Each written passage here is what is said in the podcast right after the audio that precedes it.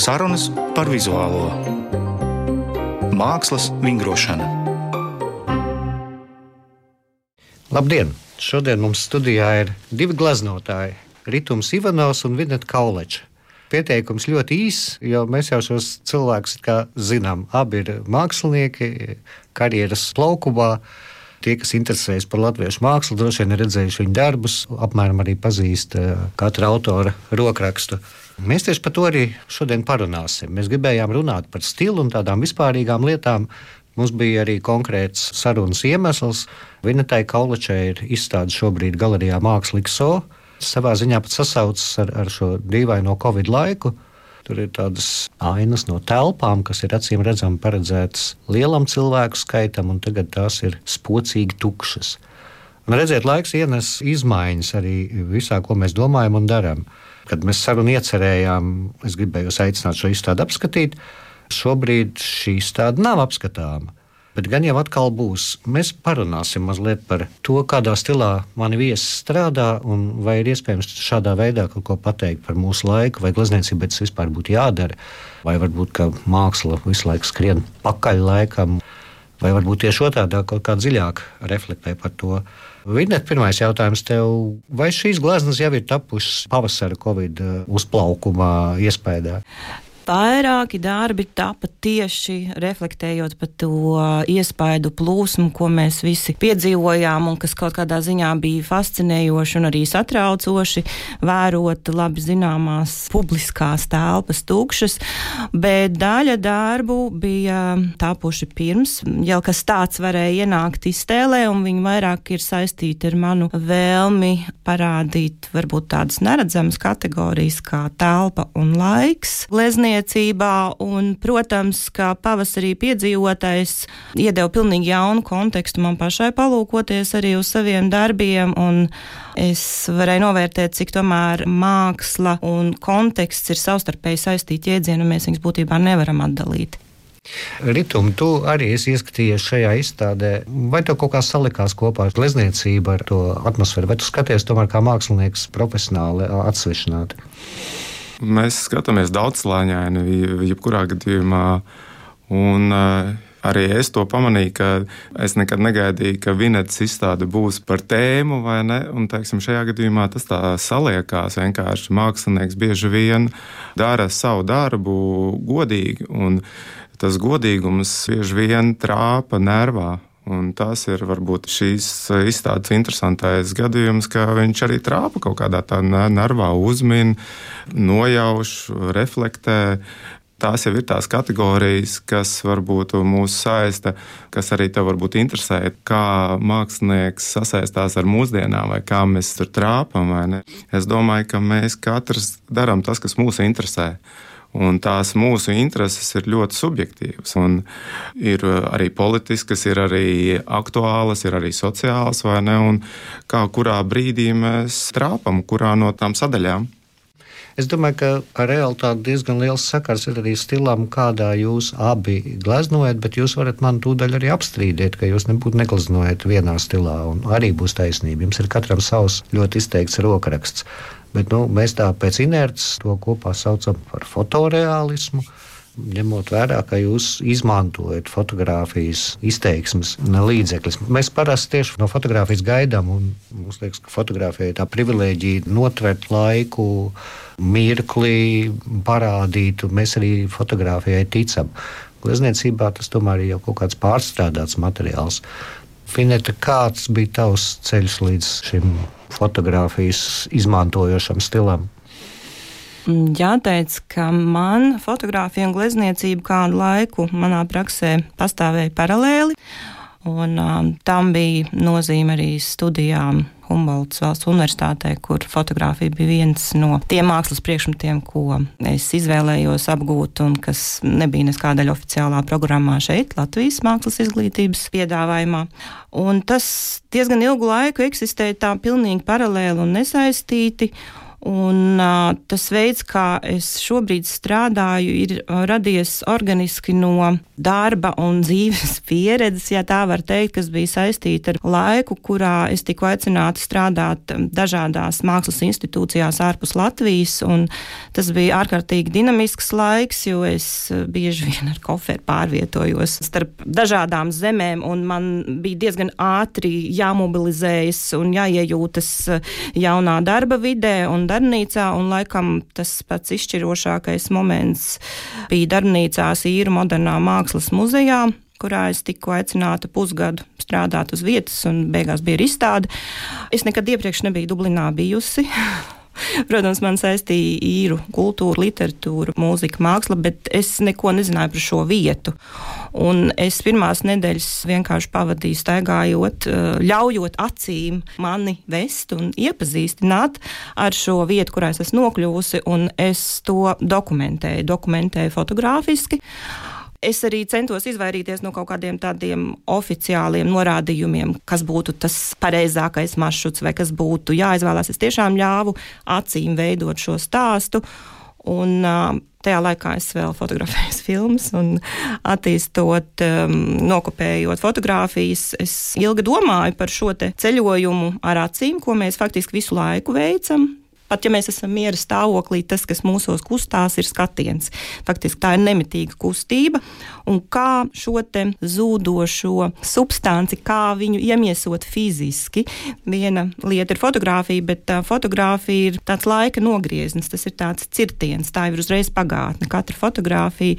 Bet glezniecība ir laikā izvērsta. Kaut kas pat radniecīgāks kino. Viņai ir savs sākums un beigas, tikai mēs to visu redzam vienu vietu. Un tajā mirklī, jā, es sapratu, ka, lai es varētu parādīt šo neredzamo redzamajā, es izmantošu fotografiju un attīstīšu tālāk tādas glezno sērijas, kas mēģina fiziskot skatienu klātbūtni. Ritumu par tevi. Mēs esam atklāti, mēs esam kursu biedri. Es esmu sekojis tavai karjerai. Un negluži uzreiz tu nonāci pie fotoreālisma, bet arī diezgan drīz un ļoti pārliecinoši viens no pirmajiem reanimēto žanru atkal latviešu mākslā. Kas tev lika apstāties meklējumos? Tas laiks, kad eh, es varbūt ienācu tajā mākslas vidē ar izstādēm, jau bija kaut kāda 90. gadu vidus. Un saistībā ar fotoreālismu priekš manis tas bija atklājums, kaut arī ar saskaru ar latviešu mākslu. Mēs zinām, nesen bija tāda ļoti vērienīga izstāde hiperrealisms, ko muzejs taisīja. Tas bija tāds ļoti labs pārskats, kā vispār šāda veida mm, žanru vai stilistiku apvienot un izstāstīt visiem. Un, um, tad, kad kuratori runāja ar maniem, viņi teica, ka nu, es teiksim, 90. gados biju viens no fotorealistiem, vai ne? Taču es esmu savukārt mācījies no poļa un purmalas, kas bija 70. gadu fotorealisti, vai ne? Un savukārt viņi ir mācījušies no amerikāņiem, kas bija 60. gada beigas fotoreālisti. Tur nāk tāda dinastiska paudžu maiņa. Un uh, kursa biedrs, protams, un arī tu strādāji arī glezniecības lauciņā. Jā. jā, un arī tu tev bija eksperimenti ar fotoreālismu, kas arī, man tā liekas, izstādē bija redzama. Tā kā mēs ar to strādājam, bet mēs katrs strādājam ļoti subjektīvi. Tā jau ir tā lieta, ka stils vai teiksim, manieres un pieejami ir tas, ko ir viegli ieraudzīt postfaktum mākslas vēsturniekiem, ekspertiem un uh, izzinātājiem. Un arī visi stili bieži vien ir nosaukti postfaktumā, vai ne? Reti, kad uh, tas tiek uh, darīts tad, kad tas notiek. Protams, es zināju par fotoreālismu un es to apzināti izmantoju sekoju, bet man tas bija caur meklējumu ceļu. Un, eh, Es sapratu, ka tādā veidā es varu vislabāk strādāt. Un mākslinieks, atrodot vienu līdzekli, meklē vēl joprojām. Tāpēc es to papildinu, atraisu, meklēju, eksperimentēju. Es tāpat sevi nenosaucu viena stila robežās vai viena manieres robežās. Es esmu es. Man ir svarīgi, kā es varu turpināt stāstīt stāstu godīgi. Man liekas, ļoti interesants jūsu gadījumā tā saite ar fotoreālismu ja tradīciju ir gan ir, gan apšaubām, jo jūsu darbos lielu lomu spēlē arī tāda optiska ilūzija, telpas ilūzija. kur kļūst saskatāmā atkāpjoties no gleznas. Tā skatītāji arī dara. Un, un tad viņi atkal pienāk tūmā un brīnās, kā tās triepiena līnijas, viss, kas tur tūmā, tas ir izšķīst šajās formas detaļās. Vai tas ir apzināti tāds virziens, viņa tev, piemēram, šis švuncīgums žestā, kā mēs mākslinieki to saucam? Man glezniecība vienmēr ir šķitusi tāda fiziska. Viņā ir krāsa, viņā ir kustība, viņā ir materiāls, un man nekad nav bijusi vēlēšanās pazaudēt, teiksim, pietuvināt šo te attēlu fotogrāfiskam attēlam vai panākt kaut kādu optiskā pārnesuma līdzību. Man tiešām personiski vienmēr ir interesējusi tīri tā laika dimensija, un tad attiecīgi glezniecībā iedot kā, jaunu laika ietvaru caur šo procesualitāti kvalitāti, fiziskumu, krāsu, žestu.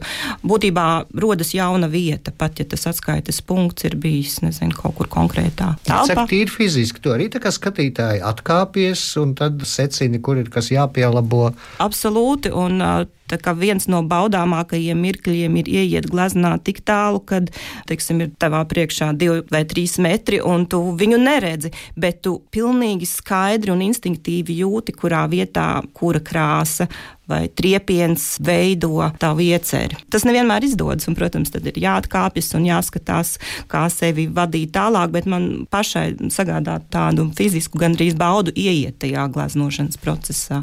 Cik interesanti, ka daudziem lieliem māksliniekiem māksliniekiem tāda iespēja nemaz nav bijusi. Es nemaz nerunāju par nu, Michelangelo freskām vai kādreiz tika gleznotas uz stalažām, kaut kā pusguļus. Bet es pat nesen runāju ar Aizu Zariņu par viņas mīlestības darbiem, ko viņa glezno uz grīdas. Viņa saka, es redzu to gara acīm, es zinu, kam mm -hmm. tur mhm. jābūt. Bet nu, pārsteigums esot. Ritmu tev ir īpaši šī optiskās ilūzijas radīšanas tehnika. Kā tas notiek reāli? Nu, tā ir tā vīzija, ir uh, saprotama man vai ne, man ir zināma. Jo es teiksim, domājot arī par stilu un par šo pieejamību, arī var paskaidrot to, ka tā ir mākslinieka valoda. Mēs atrodam savu valodu un nezinot, kādi ir termini, ne, mēs mēģinām saprast, kā ar to valodu strādāt. Un, teiksim, ja tev tā valoda ir skaidra, vai ne, tu vari tur atkāpties un arī tur dancot rīņķī, vai ne, tu vienkārši ar viņu spēlējies ar to savu valodu. Un, protams, tur nāk klāt tādi interesanti jēdzieni kā optiskās ilūzijas un uh, triepiens un poantīlisms un impresionisms? Tā jau viss ir mākslas vēsture. Man arī ļoti interesēja optiskie efekti, kas nāk no Vazarelī 60. gadu eksperimentiem, tāpat tās eh, Bridžita Rēlī, kas bija angļu gleznotājiem. Un eh, tas viss tikai bagātina Tā ir tā mūsu kopējā kolektīvā apziņa, vai ne? Mākslinieku kolektīvā apziņa, kas mūs tikai bagātina. Zinot eh, mākslas vēsturi, mēs zinām kultūru, vai ne? Mēs no turienes nākam. Gribu vai negribu, mēs no viņas mācāmies. Tāpat kā esot šeit Latvijā, mēs iemācāmies latviešu valodu, vai ne? Mēs to zinām, mēs pārzinām kultūru. Un tā arī mākslinieki, teiksim, operē ar, ar līdzīgiem jēdzieniem. Mūsu ar vinetu saista, teiksim, glezniecība tieši vai ne? Un glezniecība mūs ļoti fiziski uzrunā. Glezniecība pat par sevi ir glezniecība. Viņa nav fotografija, un tur fotografija ir ļoti tālu no glezniecības. Un uh, fotografija ir ļoti daudz mācījusies no glezniecības. Formu veida, attēla, gaismas sapratne Un uh, visas kompozīcijas nāk no gleznotāju domāšanas veida, un arī visas kameras ir veidotas līdzīgi kā gleznotāji veido gleznas.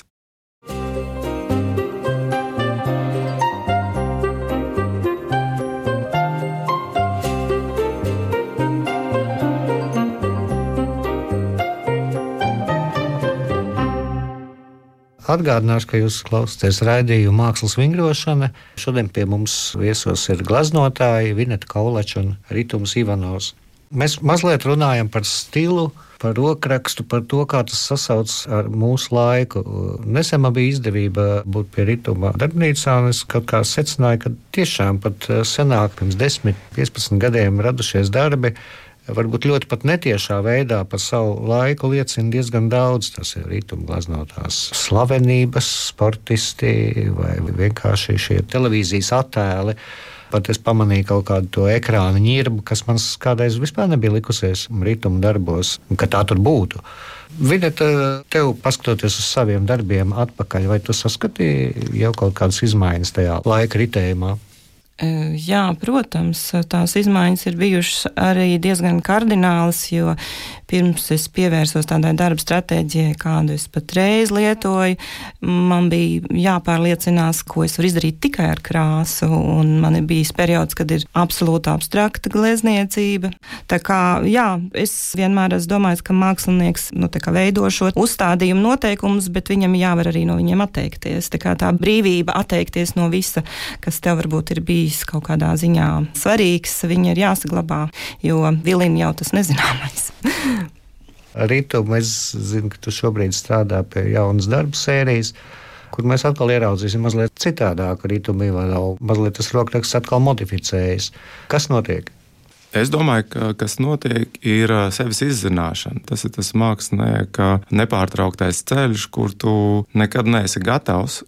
nu, tāpat kā Rīga droši vien nekad nav gatava, tā arī mēs nekad neesam gatavi. Ne? Un, kā es teicu par to postfaktumu, mēs vienmēr postfaktumu ļoti viegli varam pateikt, re kā bija, re kā tas darīja, un īpaši stili, kā rodās, tad ir viegli pateikt, no kurienes kas izaug tieši tā, ka tu esi tajā brīdī, tu audz, tu notiec, tu esi procesā, vai ne? Protams, tāpēc tie mākslinieku procesi pašam bieži vien ir tādi, viss kas var notikt, vai ne? Tev vulkāna izvirdums var notikt, var notikt pilnīga laime, viss kaut kas var notikt. Bet galvenais kaut kas notiek, un tas jau ir tas process, ko bieži vien tā darbnīca slēpj, bet eh, izstādē nes laukā. Un tā kā tu teici, redzot vecākus darbus, tu redzi jau kaut kādas sakarības, kuras var savienot tādā jau izklāstītā kontekstā. Man taisot izstādi, bieži vien arī nav skaidrs tas konteksts. Konteksts radās bieži vien tajā brīdī, kad uztaisīji izstādi un kad tu sāc runāties ar skatītājiem, un skatītājs ienes vēl savu skaidrojumu, ne, un, un arī tādi skaidrojumi, kā tev bija par maniem darbiem, tādi citiem kuratoriem ir nākuši un, un skatītājiem. Mēs esam tā MTV paudze, un to es nezināju, kad es biju MTV paudze, vai ne? To es tikai sapratu arī pēc tam, jo mani iedvesmoja robežas atvēršanās, MTV kanāla parādīšanās, pieejamība, žurnāli, dzeltenā prese. Pēkšņi tas viss ir pieejams, un mākslinieks uzsūc visu, viņš parāda to visu. Vai nu tas vienmēr ir burtiski, vai tas ir tieši vai netieši, vai tas nāk caur zemapziņu laukā, vai ne, bet tas nāk visu laiku laukā. Mēs esam tādi spoguļi kaut kādi. Jā, varbūt mēs varam tādu iztēles vingrinājumu, kas varētu saglabāt liecības par to tagad ārkārtīgi dīvaino situāciju, kādā mēs šogad atradāmies. Vai tie būtu tās daudzās tiešsaistes konferences, vai tās kaut kur glabāsies, vai šie mediju meklējumi. Kādas ir jūsu prognozes? Nu, pēc desmit gadiem mēs paskatīsimies atpakaļ, kāda bija māksla 2020. gadā. Kā jums šķiet, Vineta? Nu, kaut kādā ziņā izstādi veidojot, es pati nonācu pie tāda atklājuma, ka tukšās telpas ir kļuvušas par tādu tā kā sava laika zīmi.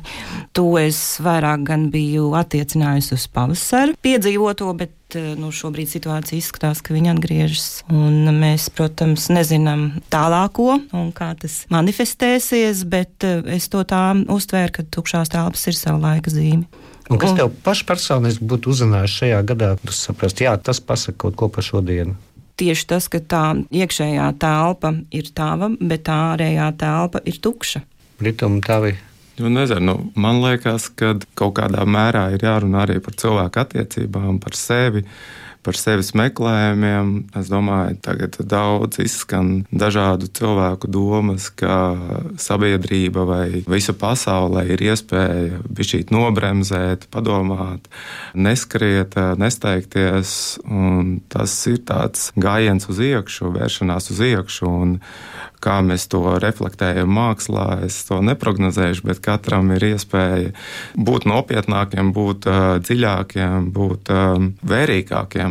Mākslinieki vienmēr ir vērojuši kaut ko, ir skatījušies, vai tas ir ejot ārā aino vērojuši, vai arī vienkārši krāsu salikumu vērojuši un to pēc tam izteikuši konceptā vai ne. Bet, uh, Mana interese vienmēr bijis cilvēks. Es novērtēju cilvēka klātbūtni un arī domāju, ka, ko jau tu ieskatījies izstādes, teiksim, tapšanā, tu redz, ka cilvēkam ir eh, vienmēr vērtība. Un, savukārt šoreiz tur varbūt būs arī runa par kaut kādu tuvumu, tālumu, attiecību un mērogu. Varbūt pie praktiskām lietām. Vinet, tagad izstāde ir sagatavota, es saprotu, visu gadu es cītīgi strādāju. Vai tev ir jau saprotams, ko tu darīsi tālāk, vai tas tagad ir tādā lielā nezināmā teritorija? Um, jā, ir tā kā izstāžu plāni, lai arī viena daļa ir krietni mainījušies, kas ir saistīti ar izstādēm ārpus Latvijas, tad um, ir viena daļa, kas turpina nospriegot manas domas. Jā, bet um, par to es droši vien runāšu tad, kad process būs kaut kā pavirzījies tālākam. Rītum, tev ir iespēja pastāstīt, tagad, kas ir šis cikls, pie kā tu šobrīd strādā un kad mēs to redzēsim. Mm, to es vēl nestāstīšu, jo process ir process. Es varu tikai stāstīt, tad, kad viņš būs uz skatuves, tad par to mēs runāsim, jo tas man arī ir svarīgi, kad tajā brīdī es varu to runāt. Bet kā māksliniekiem ir ļoti svarīgi pats process, un tad noteikti atklājumi. Tu zini, tu veido dialogu savu darbību. Šajā gadījumā man arī bija tāda situācija, ka šis gads no vienas puses nobremzēja ātrā raķetes lidojumu. Es varēju uzelpot un varēju mierīgi strādāt. Man nebija nekur jāsteidzās. Tā kā es esmu no vienas puses arī pateicīgs tam, ka es varu strādāt un koncentrēties uz to, ko es vēlos. Bet mūsdienu mākslinieku dzīve ir diezgan neganta. Tomēr bez plānošanas uz priekšu nekas nenotiek. Mēs esam spiesti, jūs esat spiesti zināt, kad, kādos laikos kaut kas būs. Kā šie plāni ir, ir mainījušies tev konkrēti? Nu jā, tas ir samērā nežēlīgi, ja tev apkārt tas viss notiek. Un, ja ir tāds ritenis un skriešana un konstantā ņemšanās, vai ne tur kā cīņa ar elkoņiem, tas nav patīkami. Tāpēc mākslinieki ir tādi, kas ir tā hermēti, nolien un strādā un paši mēģina organizēt to savu darbību. Es jums iepriekš izsūtīju tādu jautājumu, ar ko jūs viens no otra atšķirties tieši stilā savā. Vai jūs varat īsi pateikt, Vineta, par ritumu? Es atceros, kā ritms sevi pieteica. Jā, 90. gadu vidus tas varēja būt, kad kopējā tā noskaņa nebija draudzīga glezniecībai, jo jaunam māksliniekam, nu, mēs vēl bijām tad pavisam jauni, tomēr viņam gribējās ienākt ar kaut ko aktuālu, ar kaut ko, kas piesaist uzmanību, un glezniecība tajā konkrētajā posmā bija, nu, ārjergards. Tas bija laiks, kad ienāca jauno britu paudze, kad um, brāļi Čepmeni un Demjens Hērs bija aktualitātes, un instalācija bija tas, ko nu, faktiski katrs sevi cienošs jaunais Latvijas mākslinieks darīja, bija instalācija. Un um, kas man tiešām šķiet um, abrīnas vērts, ir tas, ka ritms konsekventi saglabājot glaznotāju valodu, ienesa kaut ko būtiski svarīgu un aktuālu, kaut ko, kas pierādīja arī glezniecības nozīmi un vietu lietu, jo tas bija laiks, kad cerības tika liktas arī uz jaunajiem mēdījiem, ka tie nu nesīs tagad uh, atklāsmi un glezniecība ir kaut ko jau tā kā paveikusi un vairs tālāk netiek, bet tas, ka viņš iedomājās gleznu sadalīt līdzīgi, kā tiek veidoti elektroniskie attēli. Faktiski izmantot principu, kas parādās tieši jaunajos mēdījos, bet ar labi trenēta gleznotāju roku. Man šķiet, tas ir tiešām apbrīnojami un ļoti gudri. Un Man liekas, ka to, ko es daru, es nekad sev neesmu ar fotoreālismu īsti asociējusi. Man ir nodarbinājuši uztvers jautājumu, kā glaznotājai, kā glaznotājai, kas arī ienāk laikā, kad glezniecībai laiks nav draudzīgs. Šobrīd situācija, protams, ir mainījusies, un mēs vairs nediskutējam par to, vai glezniecība ir vai nav mirusi, vai jauniem māksliniekiem būtu vērts ar to nodarboties. Bet eh, es meklēju šajā valodā jaunas iespējas, ņemot vērā arī iepriekš minēto sarunā par šo te kopu kopējo informācijas lauku, tad, tad vizuālo valodu veido ļoti dziļš, plašs informācijas lauks, un mēs nevaram noliegt fotografiju. Un, ja kāds saka, ka viņš neietekmēs no fotografijas, tad patiesību sakot, viņš vienkārši neapzinās, ka viņš ietekmēs. Man interesē šī apzināta pieeja kā glaznotājai.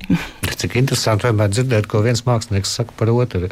Rituma tavs īsais komentārs par jūsu atšķirīgajām pieejām. Man liekas ļoti forši, ka tu uzdod tādu jautājumu, un es sev nekad arī tādu jautājumu neuzdodu, droši vien, jo neiedomātos. Bet par Vinetu runājot, man liekas, ka katram māksliniekam ir sava izjūta, un Vinetas izjūta nāk ar krāsas smalkumu un to, ko viņa liek konceptā, tas jau tāpatās tiek pastāstīts un izstāstīts, bet um, tā vissmalkākā lieta jau paliek um, neizstāstām. Tieši tas pats darbs, par ko mēs varam jūsmināties, vai ne, tas ir katra mākslinieka smalkums, vai ne, un vinetas smalkums ir uh, noskaņa, izjūta, Jo glezniecību var raksturot dažādiem vārdiem. Fotoreālisms ir tikai papīrītis, kas ir ļoti čaukstošs un kas konfekti ietver, vai ne? Bet tā pati konfete jau ir tā glezniecība, kur tu baudi ar acīm. Un, kurā ir ielikts tas darbs un tās zināšanas, kas ir rokās, kas to dara. Vineta to ļoti veiksmīgi mm, veids ar ļoti atmosfērisku glezniecību. Man jāatzīst, ka atmosfēras netrūkst jūsu darbos nevienam, bet apkārtējā atmosfēra šobrīd ir biedējoša un acīm redzot tikai laiks rādīs pēc kādām pazīmēm mākslā, pēc kādiem formas elementiem, pēc kādām jaunām formām, kas varbūt pa šo laiku būs parādījušās, pēc kādiem faktiem vai ar kādām atmiņām mēs to asociēsim. Šobrīd iznāca, ka mēs parunājām gandrīz vai par vesela gada pieredzi un atšķirību, un secinājām, ka glezniecībai var būt ne tik tieši kā Twitterim, bet ir iespēja reaģēt uz laiku, uz izmaiņām un iespējams, ka daudz dziļākā un paliekošākā līmenī. Šodien mūsu raidījumā bija gleznotāja Vineta Kauleča, kuras izstāde ir aplūkojama galerijā Mākslīgs So un Ritums Ivanovs, kur izstādi mēs varēsim skatīties drīzumā, bet vēl nezinām, kad. Cerams, nākamgad. Raidījums tapis ar valsts kultūra kapitāla fonda atbalstu.